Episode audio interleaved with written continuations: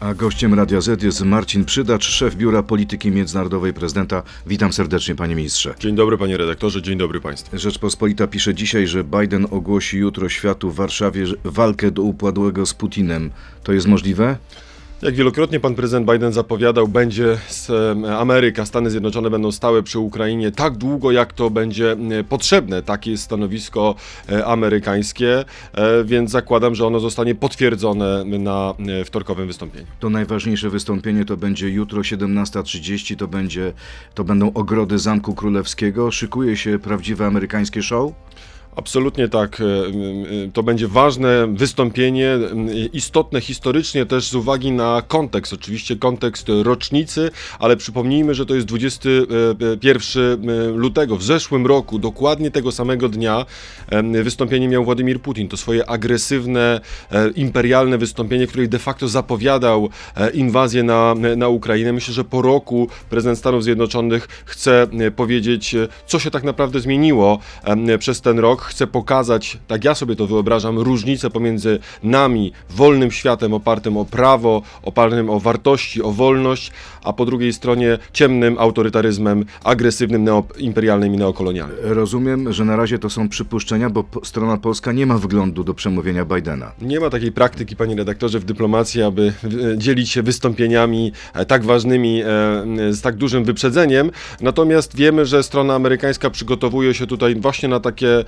no nie chcę powiedzieć show, no ale duże wydarzenie, prawda, także i natury medialnej. E, to co ważne, to oczywiście fakt, że wszyscy Polacy są zaproszeni na to wydarzenie. To nie jest tak, że będzie tylko określona lista jakichś VIP-ów, prawda, wpuszczanych na, e, na trybunę. Podobno zarejestrowano już 10 tysięcy osób. Pytanie, ile osób tam może się zmieścić? To strona amerykańska, czy ambasada amerykańska organizuje to wydarzenie. My jako strona polska, jako kancelaria prezydenta wspieramy organizacyjnie, natomiast koncepcja tego tego wydarzenia jest e, po stronie amerykańskiej, ale jeszcze raz podkreślę, każdy Polak jest zaproszony, jeśli ktoś jutro będzie chciał i miał czas na to, żeby przyjechać do Warszawy, czy przyjść na e, podogrody zamkowe, na pewno będzie e, miał szansę zobaczyć prezydenta Bidena. Pytanie, dlaczego prezydent Biden przylatuje jutro? Początkowo mówiło się o poniedziałkowym wieczorze. Nie, Skąd ta zmiana planu? Nie, nie, to były medialne informacje. Myśmy od początku wiedzieli, że to będzie e, e, gdzieś pomiędzy poniedziałkowym wieczorem a, sobo- a wtorkowym e, porankiem. Logistyka w naturalny sposób jest tutaj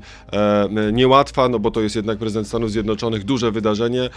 Od początku umówiliśmy się, że spotkanie to pierwsze, najważniejsze, bo przecież prezydent Joe Biden przyjeżdża tutaj na spotkanie, na zaproszenie prezydenta Andrzeja Dudy. To spotkanie będzie będzie po godzinie 13 w Pałacu Prezydenckim, więc e, I to, to będzie główny... format e, w cztery oczy?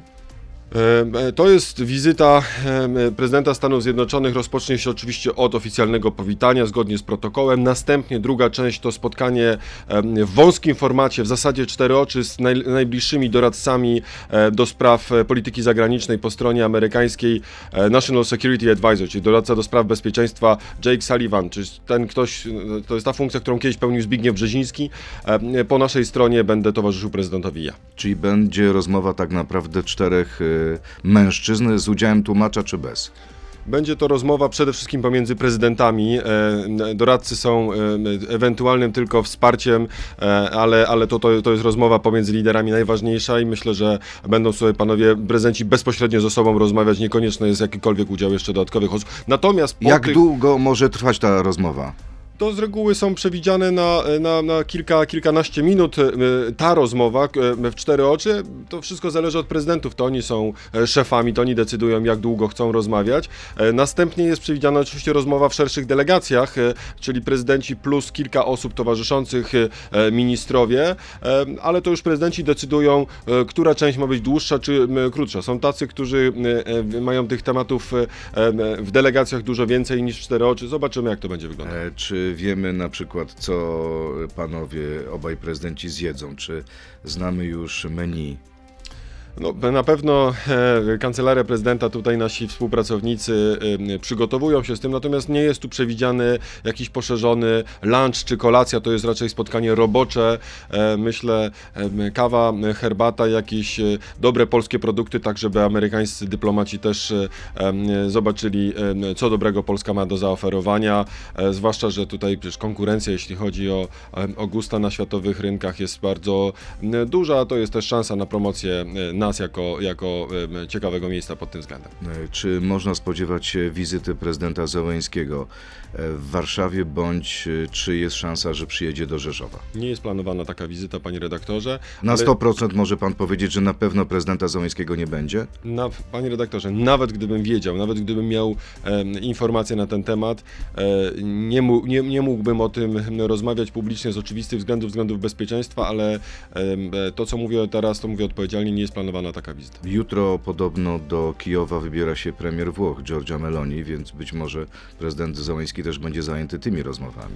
Panie redaktorze, nie chciałbym wchodzić tutaj w, w, w rolę jakiegoś info- rzecznika Kijowa. To Kijów informuje o tym, kto, kto do nich przyjeżdża. E, Ja mogę potwierdzić, że Giorgia Meloni przyjeżdża do, do Polski, do Warszawy. Dzisiaj.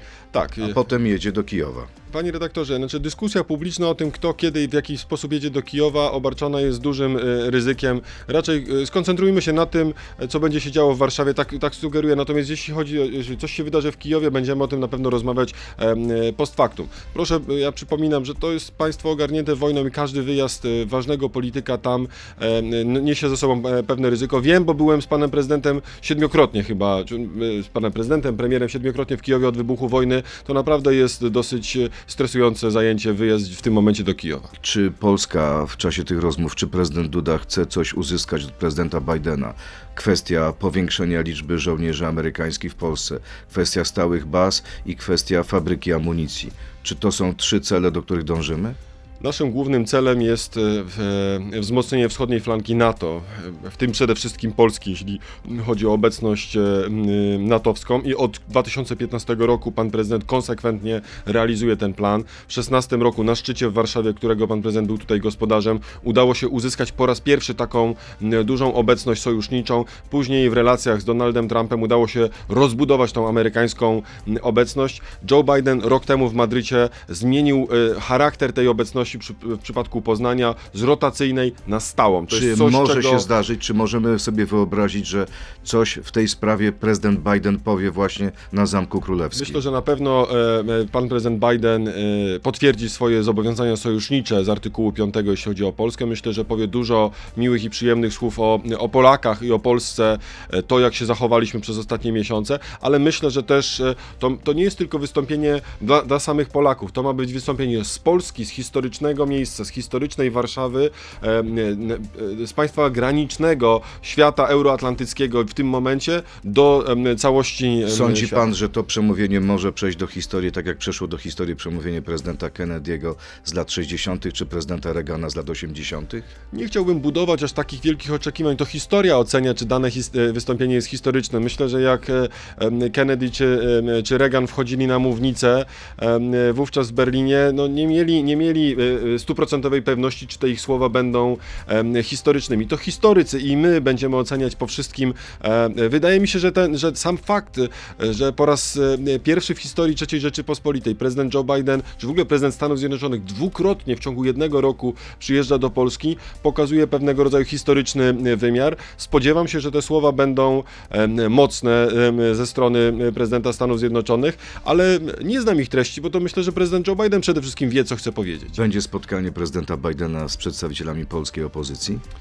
Panie redaktorze, nie jest to jakby za, e, elementem za, za, zabiegu z mojej strony. Ja się zajmuję polityką państwa polskiego, a nie e, ustawianiem jakichś e, e, miejsc Ale dla, na dla, pewno pan zna dla- kulisy rozmów czy wizyty prezydenta fotografii- Bidena. dla Więc fotografii. może pan powiedzieć. Moim zadaniem jest realizowanie interesu państwa polskiego, a nie organizowanie e, takich photo opportunity dla e, e, polskiej opozycji. A to może się zdarzyć, czy nie? E, e, to wydarzenie na zamku, e, zresztą sam też pan prezydent o to, o to zabiegał, chciał, chciałby, aby było w jakimś sensie jednoczące dla, e, dla wszystkich Polaków. Tam nie, nie ma barw partyjnych. Wszyscy Polacy Czyli będą są... i przedstawiciele władzy, i przedstawiciele opozycji. I Wszyscy wtedy Polacy- może dojść do uściśnięcia rąk. Wszyscy Polacy są tam zaproszeni e, i e, tak samo z, z, ze sceny politycznej od lewa do prawa. My jesteśmy e, żyjącą demokracją, ludzie się różnią, ale mam nadzieję, że w przypadku polityki zagranicznej jesteśmy w stanie złapać choć, choć ten e, na, na moment. Wszyscy goście Radia. Z odpowiadają w pewnym momencie na krótką piłkę.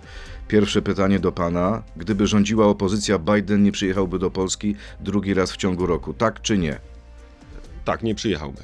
Prezes Kaczyński zlekceważył prezydenta, dlatego ten odesłał ustawę do Trybunału, tak czy nie? Nie, to nie jest element, nie, jest, nie, nie wynika z jakiegokolwiek lekceważenia, to wynika z analizy prawnej. Ukraina powinna zrobić dużo więcej w sprawie ekshumacji ofiar Wołynia, tak czy nie? Tak. Prezydent Duda żałuje, że nie wysłał gratulacji prezydentowi Bidenowi zaraz po wygranej, tak czy nie? Nie wiem. Zełęński na pewno spotka się w Polsce z Bidenem, tylko nie mogę o tym jeszcze mówić. Tak Już czy się, nie? już się, już się Już wypowiadałem tak samo w kontekście gratulacji. Gratulacje były mm, złożone z perspektywy pana prezydenta. Ja nie wiem, jakie są odczucia tutaj em, emocjonalne. Z, jak wiemy doskonale, te relacje dzisiaj polsko-amerykańskie na poziomie prezydenckim są naprawdę bardzo dobre. A więcej o emocjach w drugiej części naszego, naszej rozmowy zapraszam Państwa na Radio ZPL, Facebooka i YouTube'a. To jest gość Radia Z. Gościem Radia Z jest Marcin Przydacz, szef Biura Polityki Międzynarodowej Prezydenta. Kiedy wniosek prezydenta do Trybunału w sprawie ustawy o Sądzie Najwyższym?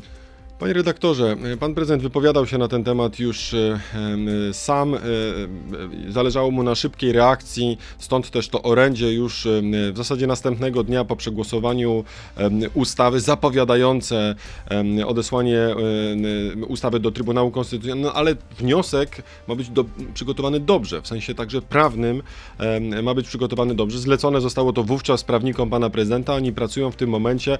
Termin konstytucyjny to 21 dni, więc spokojnie jakby... Minęło już półtora tygodnia, panie Więc ministrze. myślę, tak jak pan prezydent e, zdaje się wczoraj powiedział, w ciągu, w perspektywie kilku dni ten wniosek trafi To do raczej Trybunału. jak y, prezydent Biden wyjedzie.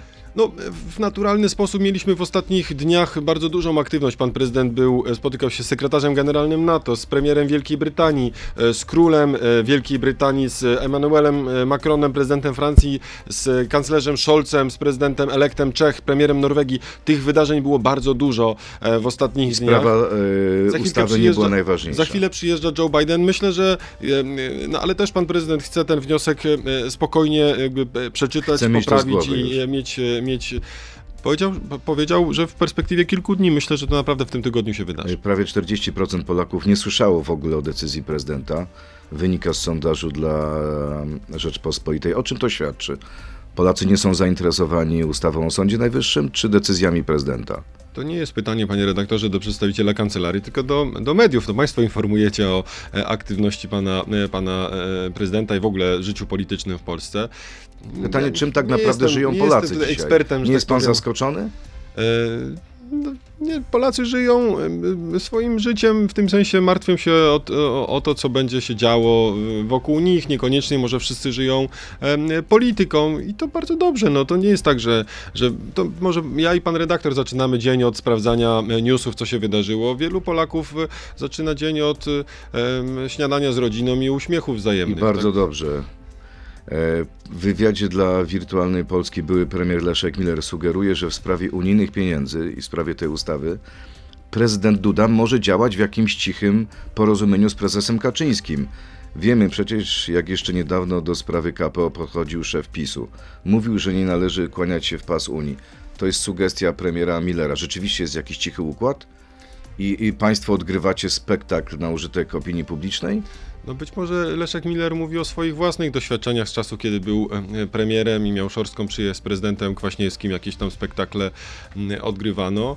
E, e, ja się też zgadzam, że nie należy się kłaniać w pas przed nikim, być może tu się różnimy z Leszkiem Millerem, trzeba po prostu twardo grać o interes Polski, ale jednocześnie sprawdzać, czy, czy, czy nasze działania są w pełni zgodne z prawem i w pełni, w pełni legalne, więc po to, dlatego jest ta decyzja pana prezydenta. Pan prezydent prezydent mówi tak, oczywiście dobrze, że kompromis z Komisją Europejską został wynegocjowany, te działania są słuszne, ale skoro pojawiają się różnego rodzaju kontrowersje dotyczące m, tych zapisów ustawowych, e, to jedynym, zgodnie z polską konstytucją, organem do rozstrzygnięcia tego, tych kontrowersji jest Trybunał Konstytucyjny. Przypomnę, jeśli Trybunał orzeknie, że te przepisy są zgodne z konstytucją, to prezydent jest związany tym m, orzeczeniem i pod, musi podpisać u, m, ustawę. Tak, tak stanowi polska konstytucja.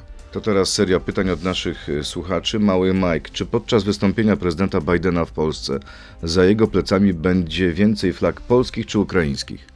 Myślę, że będą przede wszystkim flagi polskie, ale na pewno będą też flagi ukraińskie. Mamy w tym momencie przecież tysiące Ukraińców mieszkających e, w Polsce, w Warszawie. E, To oni jednak mają e, mnóstwo rzeczy do zawdzięczenia, czy zawdzięczają prezydentowi Stanów Zjednoczonych. Zdziwiłbym się, gdyby Ukraińcy nie przyszli na to wystąpienie. Czy Polska, to pytanie Tomka, czy Polska dostaje zapłatę za sprzęt dostarczany Ukrainie od Ukrainy lub innych państw lub chociaż gwarancję spłaty za ten Panie sprzęt? redaktorze, w części ten sprzęt e, jest e, e, donacją, w- części jest sprzedawany. Armatochaubice Krab według, nie chcę wchodzić jakby w szczegóły, bo się tym nie zajmuję bezpośrednio, ale był też pewnego rodzaju ofertą handlową dla, dla strony ukraińskiej. I Ukraina zapłaciła nam za te To armata jest pytanie do, do, e, do producentów, do Huty Stalowa Wola. Ja to, tak, jak, tak jak mówię, ja się tym nie zajmuję, ale pamiętam, że takie były, takie były rozmowy. Ale, ale przypomnijmy sobie, że ten, po co jest sprzęt, może tak, po- powiedzmy sobie szczerze, po, to, po co jest sprzęt e, wojskowy polski? Bo to często gdzieś tam z, z okolic, zwłaszcza Konfederacji, jest ciągle, ciągle zarzut, prawda, że przekazujemy sprzęt na wschód. Po co jest ten sprzęt kupiony? Sprzęt kupiony w Polsce jest po to, aby zapewniać Polsce bezpieczeństwo, prawda? Skąd to e, bezpieczeństwo ma jakiekolwiek zagrożenia? Ze wschodu, z Rosji. Więc e, w moim przekonaniu ten sprzęt dawany dzisiaj, przekazywany Ukrainie spełnia w, w pewnym sensie swoją rolę, bo odpycha, odstrasza Rosję jak najdalej Kolejne od polskich granic. pytanie. Czy Polska rozpocznie pracę nad własną bronią atomową, jeśli Joe Biden nie zaproponuje Polsce przystąpienia do programu Nuclear Sharing? Nie ma takich planów. E, Kolejne pytanie. Czy nie sądzi pan, że warto, pani Maria, skonsolidować stosunki zagraniczne w nie, mniejszej liczbie ośrodków? Obecne rozdrobnienie pomiędzy premierem, MSZ-em i prezydentem wydaje się nieefektywne. Taki głuchy telefon. Nie, nie zgadzam się. Ta koordynacja pomiędzy e, rządem a panem prezydentem jest e, bardzo dobra. Zresztą e, to jest jedno też z moich zadań. Pan prezydent, e, powołując mnie na to, na to stanowisko, mówił publicznie o tym, że chciałby, aby ta koordynacja pomiędzy e, dużym i małym pałacem była jak najlepsza, a ja pracując wcześniej w rządzie, mając też dobre relacje w kancelarii premiera, jestem tutaj naprawdę w, w bieżących kontaktach. Ale to odpowiadając pani Marii, tak stanowi polska konstytucja. To nie ja, ani pan prezydent, ani pan premier Morawiecki, ani nikt inny e, wymyśliliśmy taki system. Ten system został wymyślony w latach 90. Polityka zagraniczna de facto jest dzielona pomiędzy pana prezydenta a rząd, a MSZ jest częścią rządu. To Okej. po- pod, Kolejne pan- pytanie. premier. Pani Aga Ksokso. Czy prawdą jest, że prezydent podpisał umowę z Ukrainą w 2016 roku na wypadek wojny? Nie wiem, nie, nie znam takiej umowy. Kolejne pytanie. wojny. Sebastian, czy to prawda, że po epizodzie z granatnikiem, który okazał się nie być sprzętem nagłaśniającym czy grającym, Komenda Główna Policji nie może nawet przebywać w pobliżu prezydenta Stanów Zjednoczonych? Jeśli tak, czy to nie dyskwalifikuje Komendy Głównej w dalszej pracy? Czy taka osoba może nadzorować zabezpieczenie wizyty ze strony policji? Rozumiem, że chodzi tutaj o komendanta głównego. Nie, to, to, to są jakieś e, historie zupełnie niczym nie poparte. Polska policja e, aktywnie pracuje przy tej wizycie, jest obecna, e, zabezpiecza wspólnie ze Służbą Ochrony Państwa e, tę wizytę. Nic się tutaj w tym zakresie nie zmieniło e, i wypadki różnego rodzaju, które się e, zdarzają, nie wpływają tutaj na dobrą opinię o działalności polskiej I policji. pytanie nawiązujące do spotkania pana prezydenta z e, kanclerzem Scholzem i prezydentem Macronem. E, Arek e, KG. E, Czy Francja, Niemcy i USA podpisują się pod słowami Andrzeja Dudy Ukraina musi zwyciężyć? Co oznacza zwycięstwo i jakie są tutaj różnice w spojrzeniu między wymienionymi krajami? Jak Polska chce wynegocjować większe zaangażowanie militarne i finansowe USA w Polsce? Bardzo dziękuję za to pytanie. To rzeczywiście jest e, pytanie świadczące o tym, że e, słuchacz ma, e, mówiąc kolokwialnie, pojęcie o sprawach międzynarodowych. Definicja zwycięstwa Ukrainy jest e, trudna do określenia, bowiem każdy trochę inaczej ją, A jak rozumie. Polska, jak polskie władze to definiują? Myślę, że e, przede wszystkim wszyscy, wszyscy powinni się odwoływać do tego, jak Ukraina de definiuje możliwości jakiegoś e, swojego działania, prawda? Nikt nie ma prawa decydować za e, terytorium czy jakieś koncesji e, innych politycznych ukraińskich, jak tylko sama, e, sama Ukraina. Na, dla, e, dla wielu z nas w Europie Środkowej i Wschodniej e, zwycięstwo to jest rzeczywiście e, porażka Rosji, od, odepchnięcie Rosji jak najdalej od, od naszych granic. Ale konkretnie, czyli Rosja ma opuścić tereny zajęte po 24 lutego zeszłego roku? Panie redaktorze, Czy te, które zajęła w Prze- 2014? Przedstawiam w, dys, w dy, dyskusję międzynarodową. Zwycięstwo jest gdzieś pomiędzy od, od, odrzuceniem Rosji e, na granicę z, z 24 roku, a odzyskaniem całości e, terytorium. My uważamy, e, my w Polsce uważamy, że Ukraina ma absolutne prawo i, i, i powinna być wspierana do odzyskania całości swojej terytorium. Natomiast są tacy eksperci, gdzieś tam głosy, które mówią, nie, nie, trzeba tutaj A co uważają prezydent Macron i kanclerz Scholz? Pan uczestniczył w tych rozmowach prezydenta w ramach trójkąta, trójkąta weimarskiego w Monachium. Pytanie jeszcze było o prezydenta Stanów Zjednoczonych. Stany Zjednoczone, tak jak mówię, będą, tak twierdzą, e, popierać Ukrainę tak długo, jak to będzie potrzebne. E, I my wszyscy uważamy, że półśrodkami nie da się załatwić tej sprawy. Półśrodki, półśrodkiem był format normandzki i porozumienie mińskie wtedy za czasów, e, em, kiedy rządziła w Polsce Platforma. Nawet Polska nie była w ogóle częścią tych dyskusji, e, ale już zostawmy A to. wyobraża pan sobie teraz, że kończy się wojna i po, Polska jako pełnoprawny uczestnik siada do takiej konferencji? Dzisiaj? Obok Francji, Niemiec, Ameryki i Ukrainy dzisiaj, i Rosji? Dzisiaj pozycja Polski jest zupełnie, zupełnie inna. Jest pan E, tego pewien, że tak będzie? Że usiądziemy, będziemy przy stole? To zależy, jakie będą warunki brzegowe tej dyskusji. Jeśli się okaże, że, e, że te negocjacje mają e, e, na samym początku jakby swoim fundamentem jakieś, jakieś koncesje i próby obłaskawiania Rosji, to być może trzeba będzie reagować bardzo asertywnie na takie propozycje. Natomiast no, to jest pisanie dzisiaj trochę A co z prezydentem Macronem i z kanclerzem Scholzem? Czy oni się różnią, jak rozmawiali z prezydentem? Co mówili? No, myślę, że w części, w części się różnią, przynajmniej w, w konkretnych działaniach. E, e, Prezydent Macron, mimo że miał te swoje wypowiedzi o e, braku chęci do upokarzania Rosji, prawda, gdzieś tam majaczy się we Francji to myślenie o Rosji jako o miłym, sympatycznym, białym niedźwiedziu, z którym można, można jechać na kulik. Natomiast sprzęt francuski jednak trafia w dużej ilości na, na Ukrainę. Teraz tam I pojechały chyba y, wozy bez, ocią- bez ociągnięć. Natomiast w przypadku naszych niemieckich partnerów e, też pewne rzeczy dzieją się, prawda? Tylko dzieją się dużo, dużo wolniej niż e, istnieje ku temu potrzeba. Jak by pan określił tą rozmowę? Jaki ona miała charakter? To była Mówię o- długa rozmowa. E, Kłócili się panowie?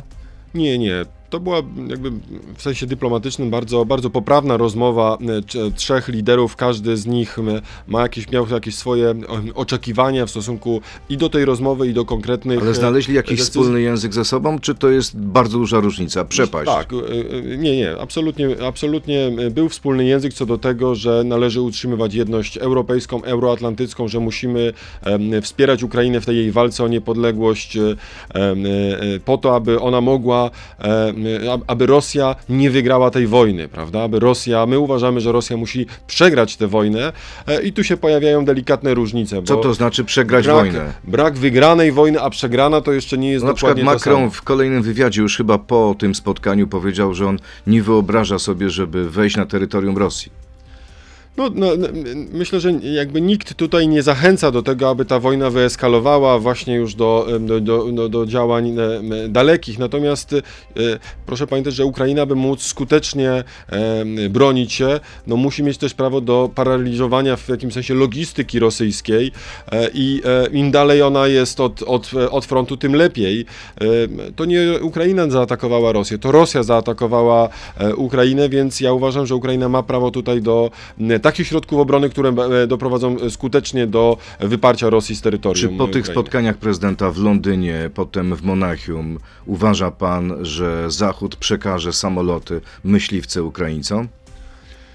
Ta dyskusja rzeczywiście e, trwa e, i, i jak się wszyscy zgodziliśmy na tym etapie, to co jest ważne, to przekazywanie e, artylerii naziemnej, w tym sensie systemów artyleryjskich, sprzętu ciężkiego, czyli to, do czego Polska namawiała od wielu, wielu miesięcy, amunicji, no bo przecież ta artyleria też musi mieć czym strzelać i to im dalszego zasięgu, tym, tym lepiej. Polska od miesięcy to mówiła. Być może gdyby wtedy posłuchano nas, ta wojna już dzisiaj wyglądałaby zupełnie inaczej, albo być może by się już nawet skończyła, bo to e, e, różnica technologiczna pomiędzy sprzętem zachodnim a rosyjskim jest gigantyczna. To jest przepaść, rzeczywiście. No tak, ale Rosjanie mogą zmobilizować tysiące ludzi. No to jest taktyka Władimira Putina, rzeczywiście. Zresztą nie różniąca się od e, taktyki jeszcze z czasów II wojny światowej i wcześniej. Zalewanie masą, prawda? Są setki tysięcy osób powołanych pod broń, być może z nie najnowocześniejszą e, e, No tam może mają mniej nowoczesne czołgi, ale te czołgi są wciąż produkowane. No I one i- przyjeżdżają na front. I, ta, I różnica pomiędzy e, światem zachodnim, a w tym myśleniu Ukraina w jakimś sensie już zbliża się do, do Zachodu, a, a Rosją jest to, że my szanujemy życie każdego jednego żołnierza, czego chyba nie można powiedzieć o Federacji Rosyjskiej. Panie ministrze, akurat teraz, y, właśnie w momencie, kiedy prezydent Biden wybiera się do Polski, Rosja rozpoczyna ćwiczenia nuklearne na dużą skalę. Czy to może w ostatniej chwili powstrzymać prezydenta przed podróżą? Rosja to nie pierwszy raz ćwiczy e, e, e, jej wojska kosmiczno-powietrzne i, wojska nuklearne ćwiczą dość regularnie. Oczywiście ma to pewnie za cel jakieś próbę wyeskalowania czy trochę wystraszenia zachodu Europy, zwłaszcza tego pokolenia wychowanego w czasie zimnej wojny, które tymi, tymi działaniami nuklearnymi było sukcesywnie straszone. Myślę, że trzeba tutaj zachować spokój i nie dać Władimirowi Putinowi asumptu do grania na naszych e, emocjach. Ameryka ostrzegła Chiny, że te przekroczą czerwoną linię, jeśli zdecydują się na dostawy broni do Rosji. E, Czy uważa pan, że Pekin jest blisko tego kroku?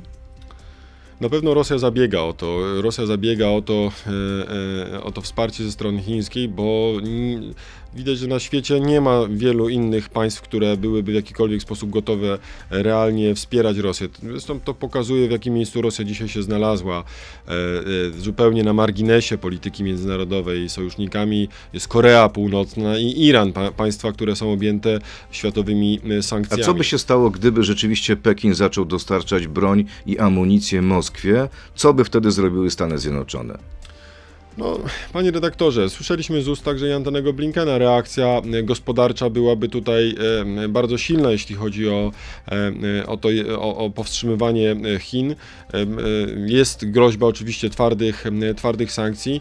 Dla wszystkich, łącznie z Chińską Republiką Ludową, byłoby lepiej, gdyby nie realizowała tego typu polityki wsparcia dla Rosji. W wywiadzie dla Financial Times prezydent Duda powiedział, że NATO powinno przyznać Ukrainie, Ukrainie gwarancję bezpieczeństwa po zakończeniu wojny. Na czym miałyby one polegać? No przecież nie ma na razie mowy o przyjęciu Ukrainy do NATO. Panie redaktorze, pan prezydent y, mówi, że trzeba rozpocząć dyskusję nad tym, jak trwale y, stworzyć warunki pokoju w Europie Wschodniej. Y, Ukraina chce dołączyć do NATO, chce e, dołączyć do Unii Europejskiej. Między innymi o to jest też ta wojna, prawda? Czy dane państwo ma prawo decydowania o samym sobie, czy są inne mocarstwa, które będą za nie wybierać? Stąd też e, nasze e, poparcie, bo my też chcemy jako Polska decydować sami o sobie, a nie żeby nam Moskwa czy jakikolwiek inny e, w przyszłości e, satrapa e, palcem groził i, i, i mówił, to możecie zrobić, a tego nie. Mieliśmy to już w swojej historii, nigdy tego więcej nie chcemy. Ukraina jest nam potrzebna oczywiście w strukturach euroatlantyckich, natomiast jest ten okres przejściowy. Jest ten okres przejściowy pomiędzy zakończeniem wojny, a finalną integracją pełną ze strukturami euro, euroatlantyckimi.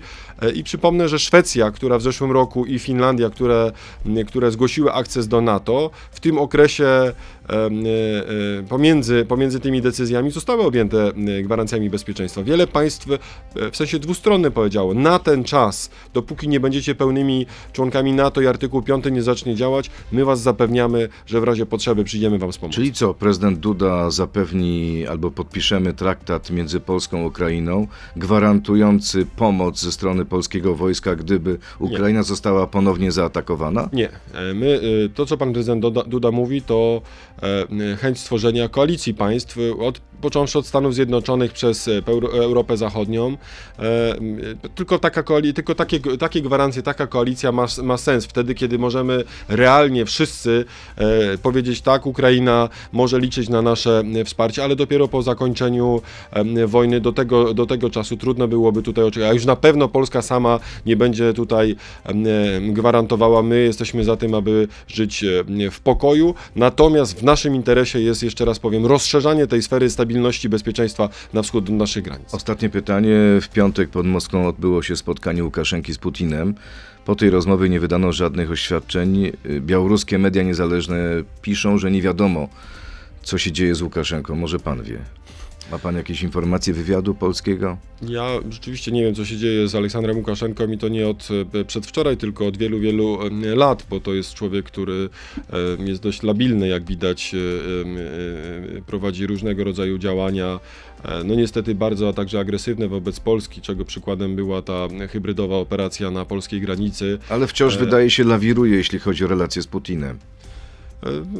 Ja, to złudzenie Ja, tylko? ja uważam, że tutaj e, podporządkowanie polityczne niestety pogłębia się. E, e, Aleksandr Łukaszenka niejako oddaje część elementy suwerenności swojego państwa za utrzymanie się przy stołku władzy. I tak będzie tutaj- do końca. Nie mam tutaj żadnych słów usprawiedliwienia dla białoruskiego satrapy. To jest człowiek, który skazał Andrzeja Poczobuta, obywatela Białorusi, ale jednocześnie Polaka na 8 lat łagrów. Nie mam tutaj absolutnie żadnych e, e, e, e, e, jakichkolwiek Jest szansa, żeby wyciągnąć Andrzeja Poczobuta z więzienia? Panie redaktorze, podejmowaliśmy wielokrotnie działania. Wielu Polaków zostało aresztowanych. Trzy polskie działaczki, jak pan pamięta, e, udało się wyciągnąć, przyjechały do Polski, podobnie z Angeliką Borys. W przypadku redaktora Poczobuta, mówię to ze, ze smutkiem i z, z pewnym rozczarowaniem, e, e, nie udało się tego zrobić. Będziemy dalej podejmować, podejmować działania. E, Jestem przekonany, jak znam e, redaktora Poczobuta, e, nie pójdzie on na żadne kompromisy, a jednocześnie jest na tyle twardym em, człowiekiem, że mam, mam nadzieję, że przetrzyma ten trudny okres. Trzymamy oczywiście kciuki za redaktora Poczobuta. Bardzo panu dziękuję. Marcin Dziękuję Przydacz, bardzo. szef Biura Polityki Międzynarodowej prezydenta, był gościem Radia Z. Dziękuję bardzo, miłego dnia. Dziękuję. Dziękuję. To był gość Radia Z. Słuchaj codziennie w Radio Z i na player radioz.pl.